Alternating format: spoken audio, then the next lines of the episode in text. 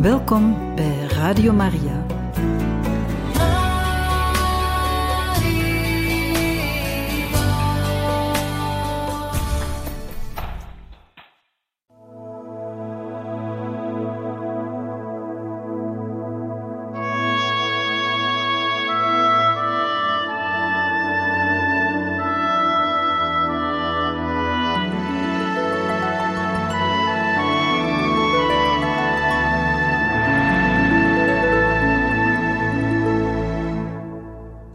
Zoals gezegd is het dagboek, het geestelijk dagboek van Johannes de 23ste ten einde.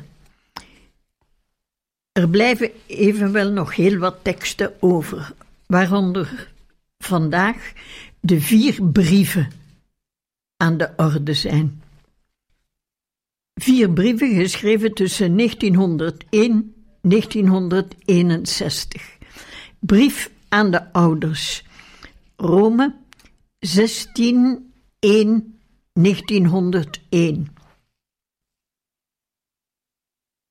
De brief begint met een aanroeping. Jezus, Maria, Jozef.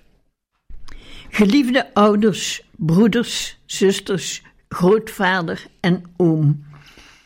Wanneer je deze brief leest, zult je alle uw heiliging reeds nader gekomen zijn door de missiepreken waar je nu naar luistert en die spoedig beëindigd zullen zijn. Ik ben blij voor u en ik verheug mij van ganse harte over de mooie en benijdenswaardige gelegenheid die u te beurt is gevallen. Andermaal ernstig over het heil van de ziel en het eeuwig geluk van het paradijs te kunnen nadenken. Dit is hetgeen dat mij het meest ter harte gaat, aangezien ik voor mijn familie nooit aardse goederen verlangd, noch van de hemel afgesmeekt heb. Geen rijkdom, genot of voorspoed, maar eerder dat gij goede christenen zoudt zijn, deugdzaam en in vertrouwensvolle overgave aan de liefhebbende armen van de goddelijke voorzienigheid en in vrede met allen. Wat zou het baten al het goud van de wereld te bezitten, wanneer men zijn ziel moet verliezen? Houd deze waarheid goed vast in uw geest en vergeet haar nooit. Wij moeten nooit verdriet hebben over de zeer slechte omstandigheden waarin wij ons bevinden. Maar wij moeten geduld hebben, omhoog zien en denken aan het paradijs. O schoon paradijs, daar zullen wij tot rust komen. Daar zullen wij ophouden te zwoegen. Daar zullen wij het loon voor onze werken en onze smart ontvangen, wanneer wij deze met berusting hebben gedragen.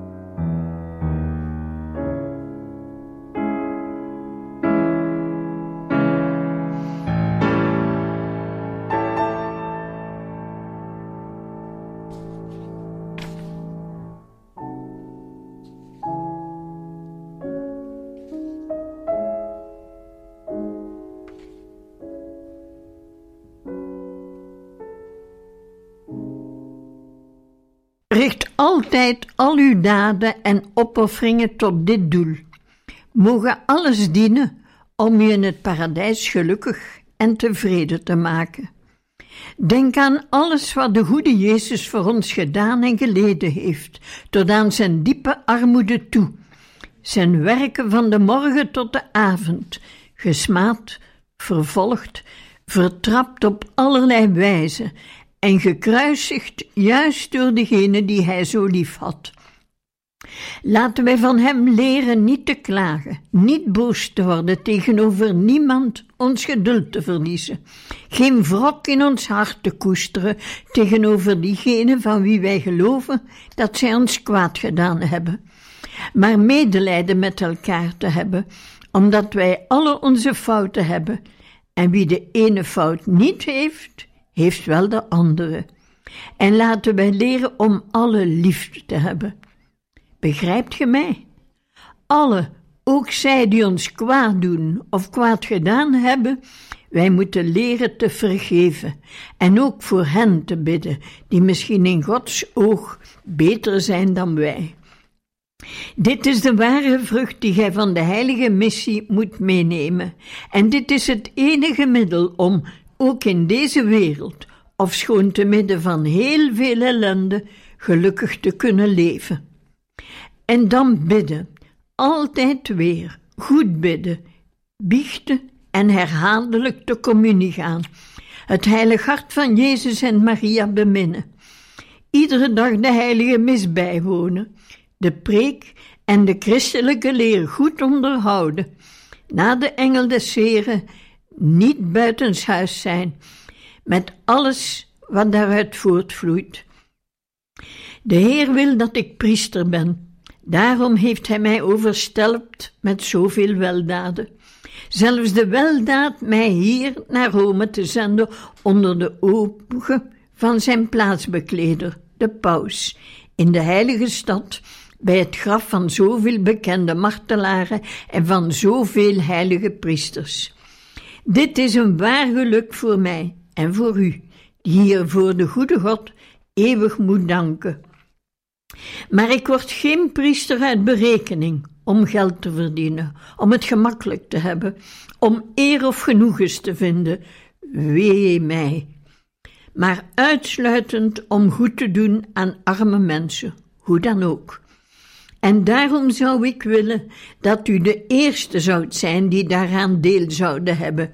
U, die zoveel voor mij gedaan hebt, wier geestelijk heil mij zo ter harte gaat en voor wie ik dagelijks, men kan wel zeggen, ieder uur bid.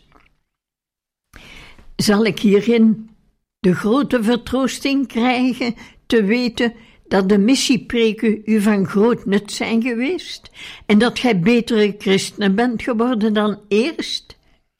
Ik hoop het. Ik ben er zelfs zeker van, daar ik uw bijzondere aanleg hiertoe ken. Denk alle ook aan mij bij de algemene slotcommunie.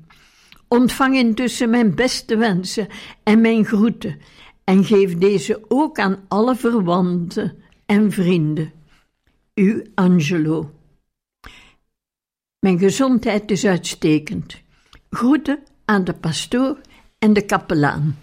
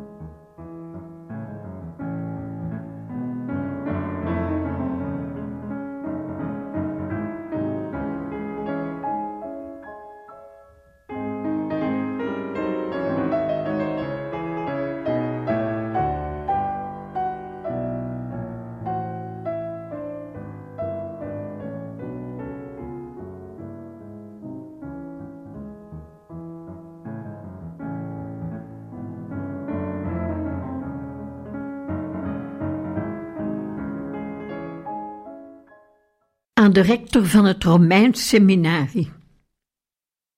Deze twee brieven aan Monsignor Vincenzo Bugarini maken deel uit van een verzameling van 116 brieven aan de rectoren van het Romeins Seminari vanaf 1901 tot 1957, die bewaard zijn gebleven in het archief van dit instituut. De tweede is van bijzondere betekenis.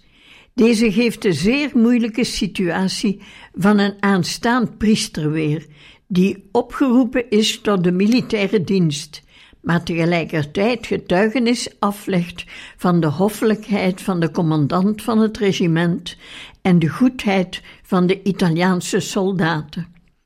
Deze brief ontkent niet wat de klericus Roncalli in zijn notities na de Babylonische ballingschap schrijft met de mededeelzaamheid van de onschuldige geest die zich gedwongen ziet de realiteit van de morele crisis waarin zich het overgrote deel van de jonge mensen zich bevindt, vooral wanneer zij samen in de kazerne leven, onder ogen zien.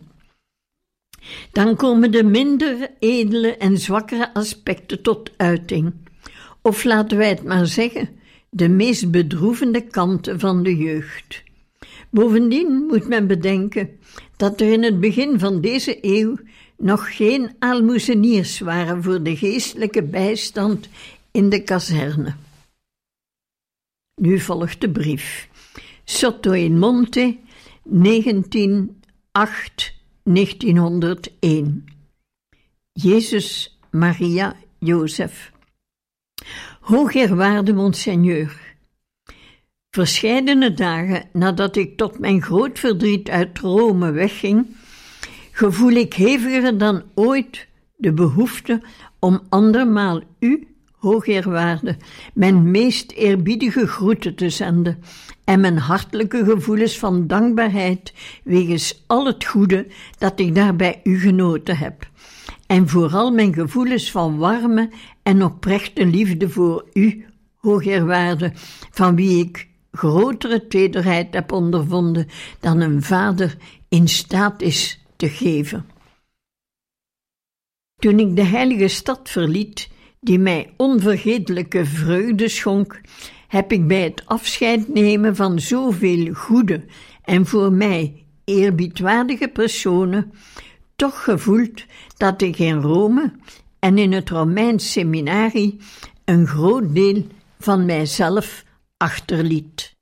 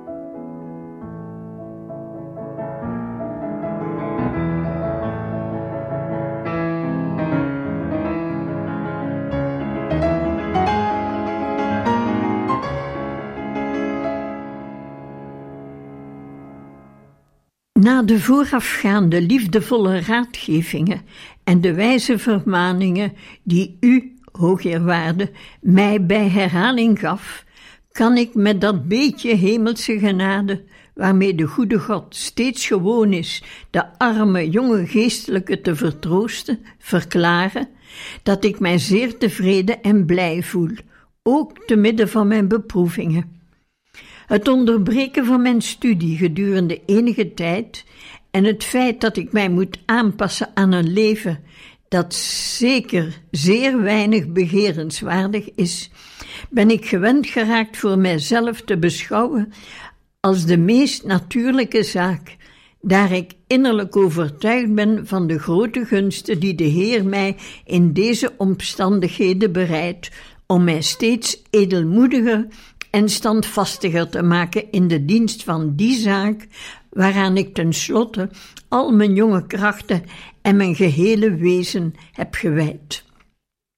Deze innerlijke berusting neemt echter niet weg dat ik vurig wens zo gauw mogelijk terug te keren naar de dierbare vreugde van het Romeins seminarie, en dat ik vaker en met grotere liefde dan u, o Gerwaarde, zich kan indenken, terugdenk aan de dierbare personen en de dingen van daarginds.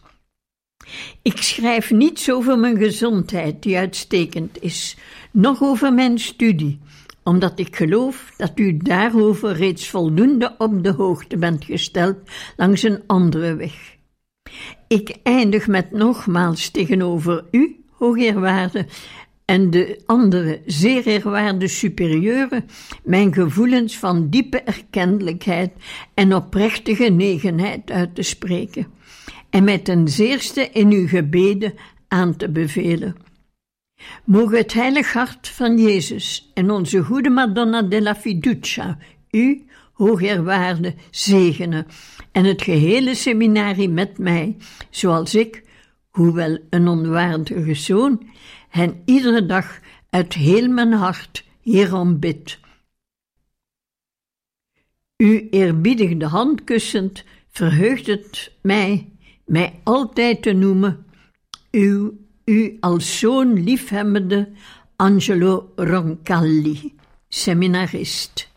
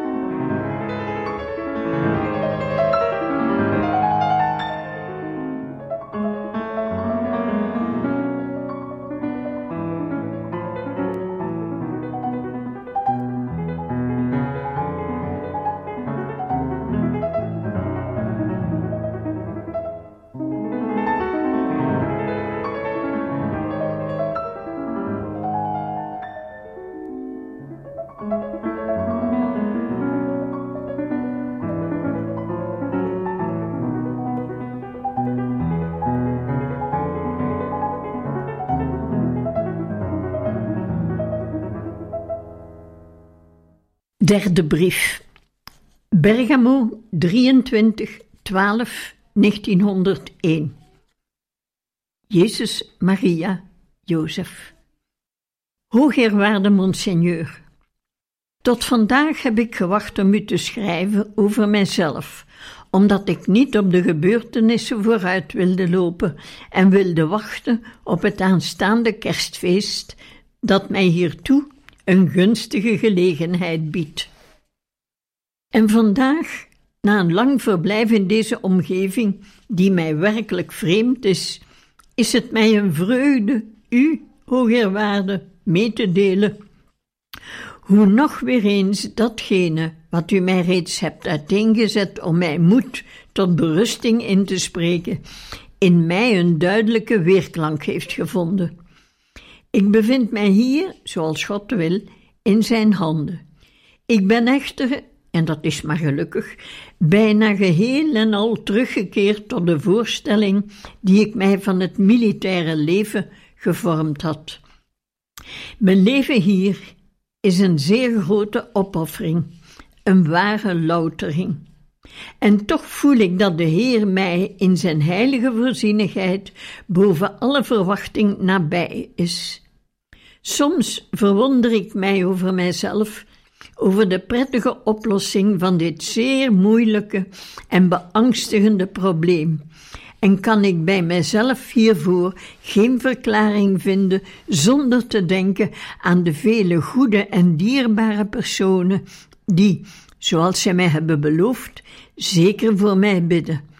Tot de zeer geliefde Madonna della Fiducia, van wie ik nog altijd de mooie beeltenis op mijn borst draag, tot het heilig hart van Jezus, dat het lichtend middelpunt is van al mijn idealen als vurig jongeling en als seminarist, verlangend om tenminste eens iets goeds te doen. Wat kan ik voor u hieraan nog toevoegen dat beter is? Ik heb uitstekende oversten getroffen, die laten zien dat ze mij een goed hart toedragen.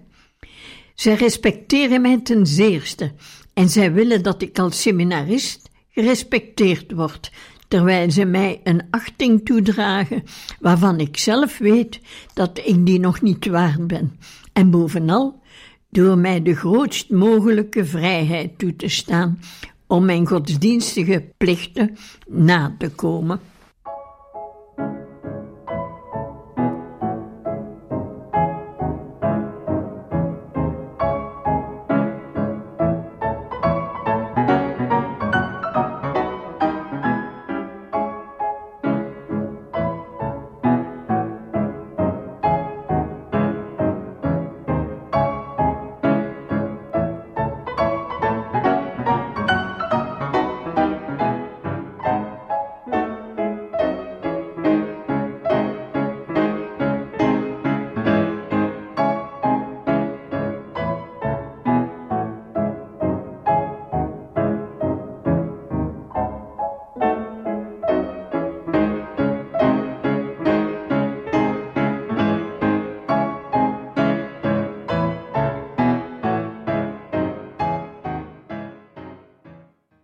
Van de wapenbroeders, die voor het grootste gedeelte uit Bergamo en Brescia komen en die mijn omstandigheden kennen, heb ik tot nu toe slechts tekenen van eerbied en genegenheid ontvangen, terwijl zij er zich op toeleggen mij die kleine diensten te bewijzen, die mij tenminste veel vervelende karweitjes uit de hand nemen.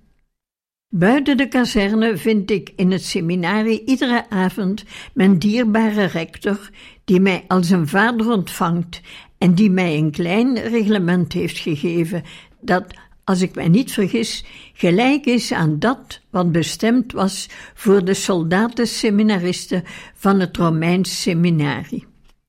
Ten slotte zou ik heel onredelijk zijn als ik mij over mijn situatie zou beklagen. Nee, dit leven bevalt mij in het geheel niet. Ik verlang zelfs naar het gelukkige ogenblik van mijn terugkeer, naar het heerlijk verblijf te Rome. Maar toch voel ik mij zo berustend en kalm als het maar kan.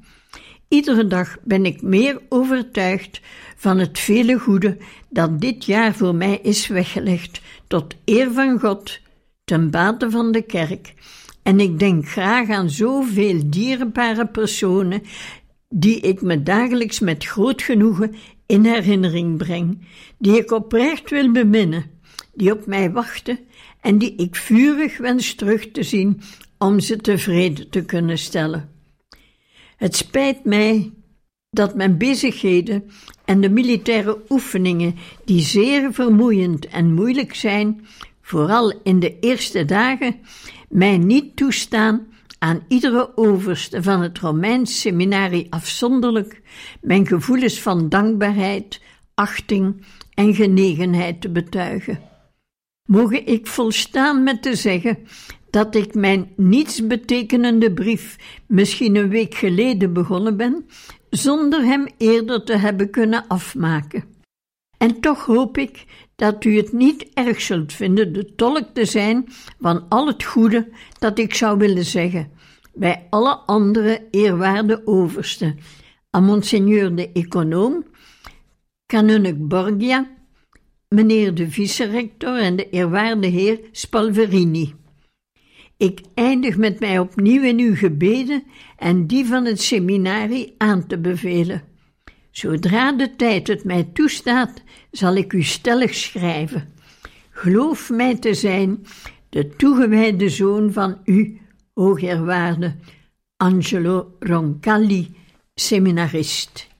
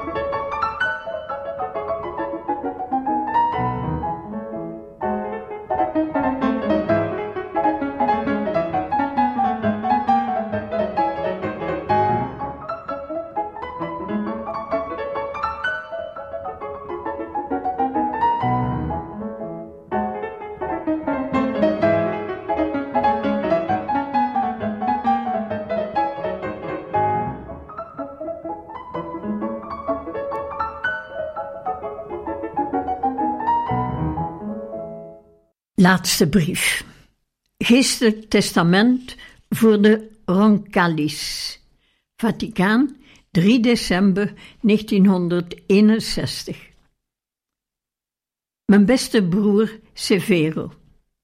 Vandaag is het de feestdag van je grote patroon, die van je eigenlijke en werkelijke naam, namelijk de heilige Franciscus Saverius, zoals onze lieve Barba heette, en zoals nu ook onze neef Saverio heet. Ik denk dat er drie jaar verlopen zijn sedert ik ophield met machineschrijven, wat ik zo prettig vond. En als ik dan vandaag de beslissing genomen heb om de gewoonte weer op te nemen en om de nieuwe machine te gebruiken, die helemaal voor mij alleen is, heb ik dat willen doen om je te zeggen dat ik weet dat ik ouder word door alle drukte die er gemaakt is toen ik tachtig jaar werd, maar dat ik het nog altijd goed maak en mijn levensweg nog in goede gezondheid voortzet. Ook al laten sommige kwaaltjes mij weten dat tachtig jaar geen zestig jaar zijn en zeker geen vijftig. Voor het ogenblik althans kan ik de goede dienst aan de Heer en aan de Heilige Kerk voortzetten. Ik hoop dat deze brief, die ik juist aan jou wil richten, mijn beste Severo, als een stem die jullie allemaal moet bereiken, Alfredo, Giuseppino, Assunta, nicht Caterina, je lieve Maria, Virginio en Angelo Gisleni, alle die de leden van onze familie vormen, voor alle de uiting zal zijn van mijn steeds levendige en jeugdige genegenheid. Ofschoon ik, zoals je weet, zeer bezet ben door mijn belangrijk ambt, waarop de ogen van de gehele wereld gevestigd zijn, kan ik mijn beminde familieleden niet vergeten, naar wie in de loop van de dag dikwijls mijn gedachten uitgaan. Het doet mij genoegen te weten dat, nu jullie met mij geen persoonlijke correspondentie kunt voeren zoals vroeger, jullie alles kunt toevertrouwen aan Monseigneur Capovilla, die veel van jullie houdt en aan wie jullie alles kunt zeggen zoals jullie dit aan mij zouden doen. Denk eraan dat deze een van de zeer weinige particuliere brieven is die ik gedurende de eerste drie jaren van mijn pauschap aan iemand van de familie heb geschreven. En vergeef mij dat ik niet meer kan doen voor mijn bloedverwanten. Ook dit offer dat ik mij opleg in mijn verhouding tot jullie, doet jullie meer eer aan en verdient meer respect en sympathie dan jullie kunt geloven en voorstellen. Nu lopen de grote betuigingen van eerbied en genegenheid voor de paus ter ere van zijn tachtigste verjaardag ten einde. En ik ben er verheugd over, want ik geef boven de lof en de zegenwensen van de mensen de voorkeur aan de barmhartigheid van de Heer, die mij tot zo'n hoge taak heeft uitverkozen en die mij, naar ik hoop, tot het einde van mijn leven zal bijstaan.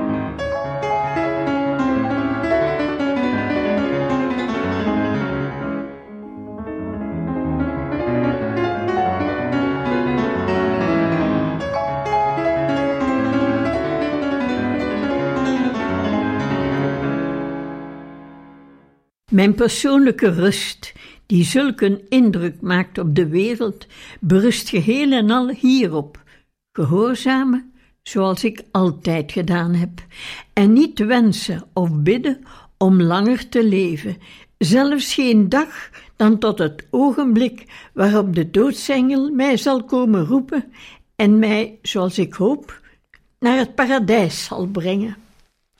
Dit belet mij niet de Heer te danken dat hij juist de Brusico en op de Colombera-hoeve die persoon heeft willen uitkiezen die de directe opvolger zou worden van zoveel pausen die elkaar gedurende twintig eeuwen opgevolgd zijn en die de naam stedenhouder van Jezus Christus op aarde zou krijgen. Dat ik tot deze eer geroepen ben, heeft de naam Roncalli in de gehele wereld bekendheid, sympathie en achting geschonken. Wat jullie betreft, doen jullie er goed aan nederig te blijven, zoals ik het zelf ook tracht te blijven, en jullie niet te laten misleiden door de insinuaties en de praatjes van de wereld.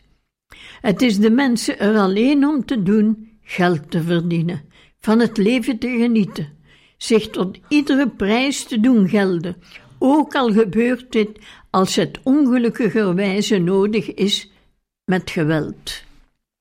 De tachtig jaren die achter mij liggen, zeggen mij evenals jou, beste Severo, en ons allen, dat datgene waar het het meest op aankomt, is dat men zich gereed moet houden, en dit te allen tijden, om plotseling te vertrekken. Want dit, want dit is het wat de meeste waarde heeft: zich het eeuwige leven te verzekeren in vertrouwen op de goedheid van de Heer, die alles ziet en in alles voorziet. Ik ben erop gesteld, mijn beste Severo, je deze gevoelens mee te delen, opdat je ze door kunt geven aan onze meest intieme bloedverwanten van de Colombera, te Gerola, te Bonate en Medolago, en waar zij zich ook mogen bevinden, en van wie ik niet eens precies de woonplaats ken. De wijze waarop laat ik aan je eigen goeddunken over. Ik denk dat Enrica je zou kunnen helpen en ook Don Battista. Ga voort met het bewaren van een goede verstandhouding tussen alle Roncallis die de nieuwe familie vormen en tracht mij te begrijpen wanneer ik niet aan ieder gezin afzonderlijk kan schrijven. Onze Giuseppe heeft gelijk wanneer hij tot zijn broeder de paus zegt: U bent hier een luxe gevangene, die niet alles kan doen wat hij wel zou willen. Ik zou nu graag de namen noemen van hen uit jouw midden die het meest lijden. De lieve Maria, je geliefde vrouw, en de goede Rita, die met haar lijden de hemel verdient voor zichzelf en voor jullie beiden, die haar met zoveel liefde verpleegt. Zuster Catharina, die mij altijd doet denken aan haar en onze Giovanni, die ons vanuit de hemel gadeslaat. En onze ouders Roncalli en de meest nabije verwanten, evenals zij die naar Milaan vertrokken zijn. Ik weet wel dat jullie vernederingen zult ondergaan door hen die zonder juist oordelen redeneren.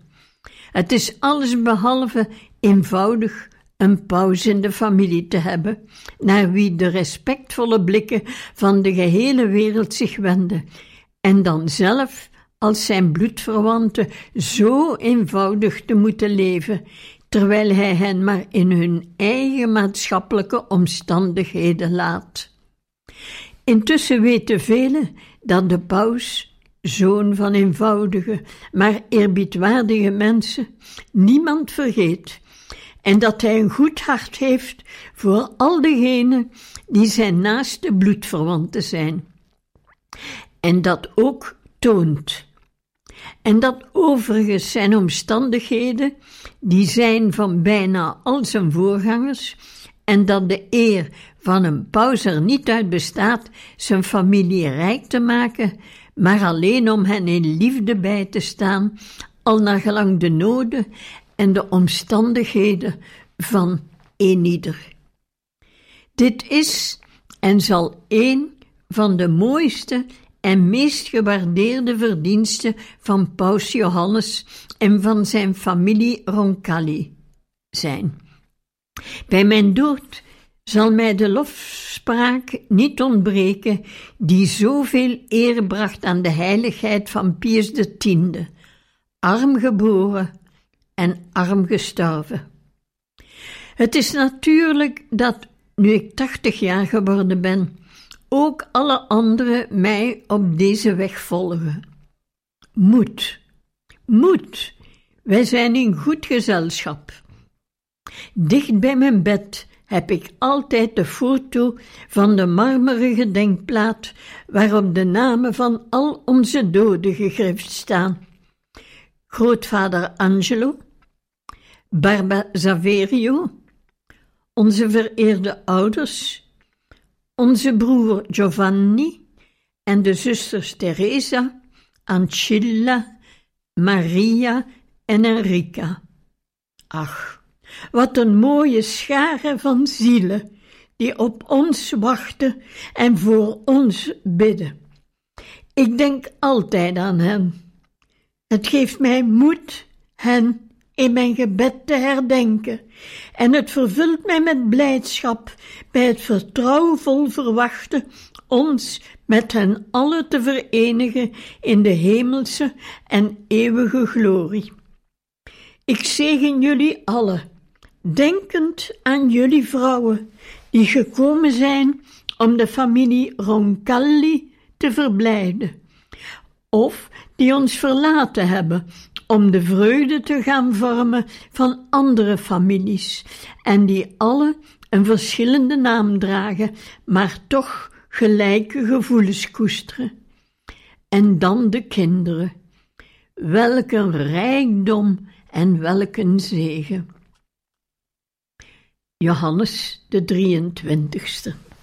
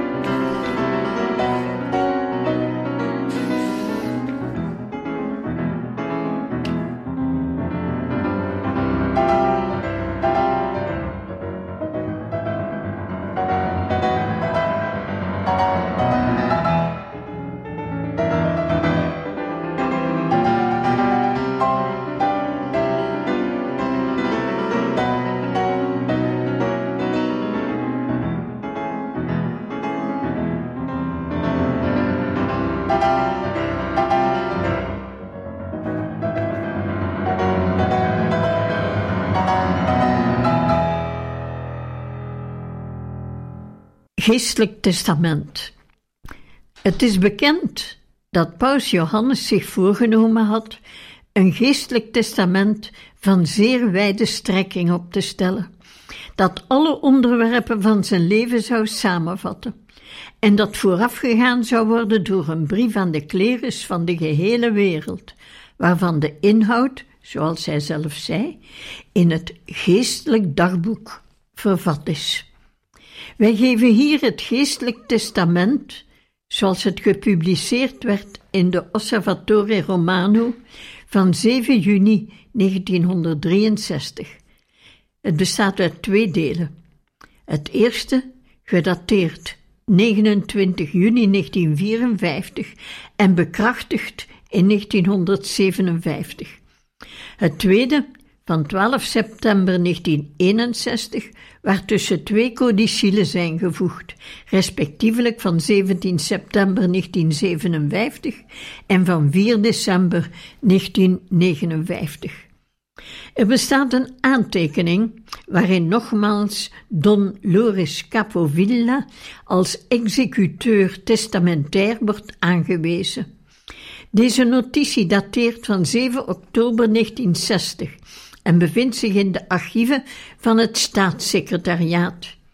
Hierin zegt Paus Johannes onder andere: citaat, Bij het uitvoeren van mijn laatste wil wordt Don Loris Capovilla verzocht in overleg te treden met twee personen die met mij door bloedverwantschap en vriendschap gelieerd zijn, als getuigen wier oordeel gerespecteerd moet worden, namelijk de priester Don Battista Roncalli, zoon van mijn overleden broer Giovanni, en Monsignor Angelo dell'Acqua, titulair aartsbisschop van Calcedonia, mijn vroegere secretaris te Istanbul.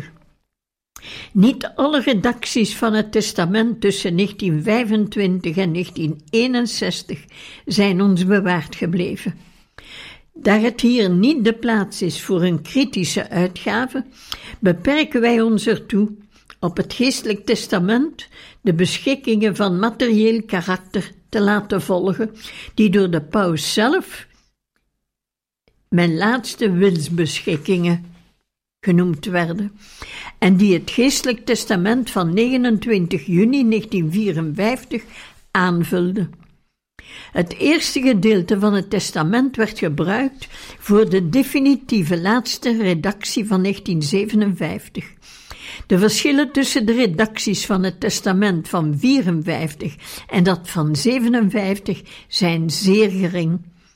Deze beschikkingen werden achtereenvolgens geannuleerd op 28 oktober 1958 en 30 april 1959.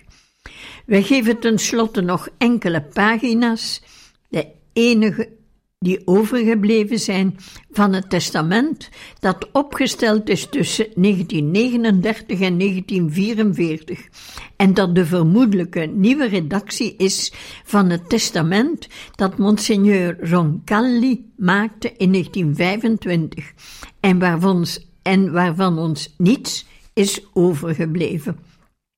Deze bladzijden werden daarna met enige veranderingen in het testament van 1954 gevoegd. Volgende keer gaan we dus verder met het geestelijk testament en mijn laatste wil.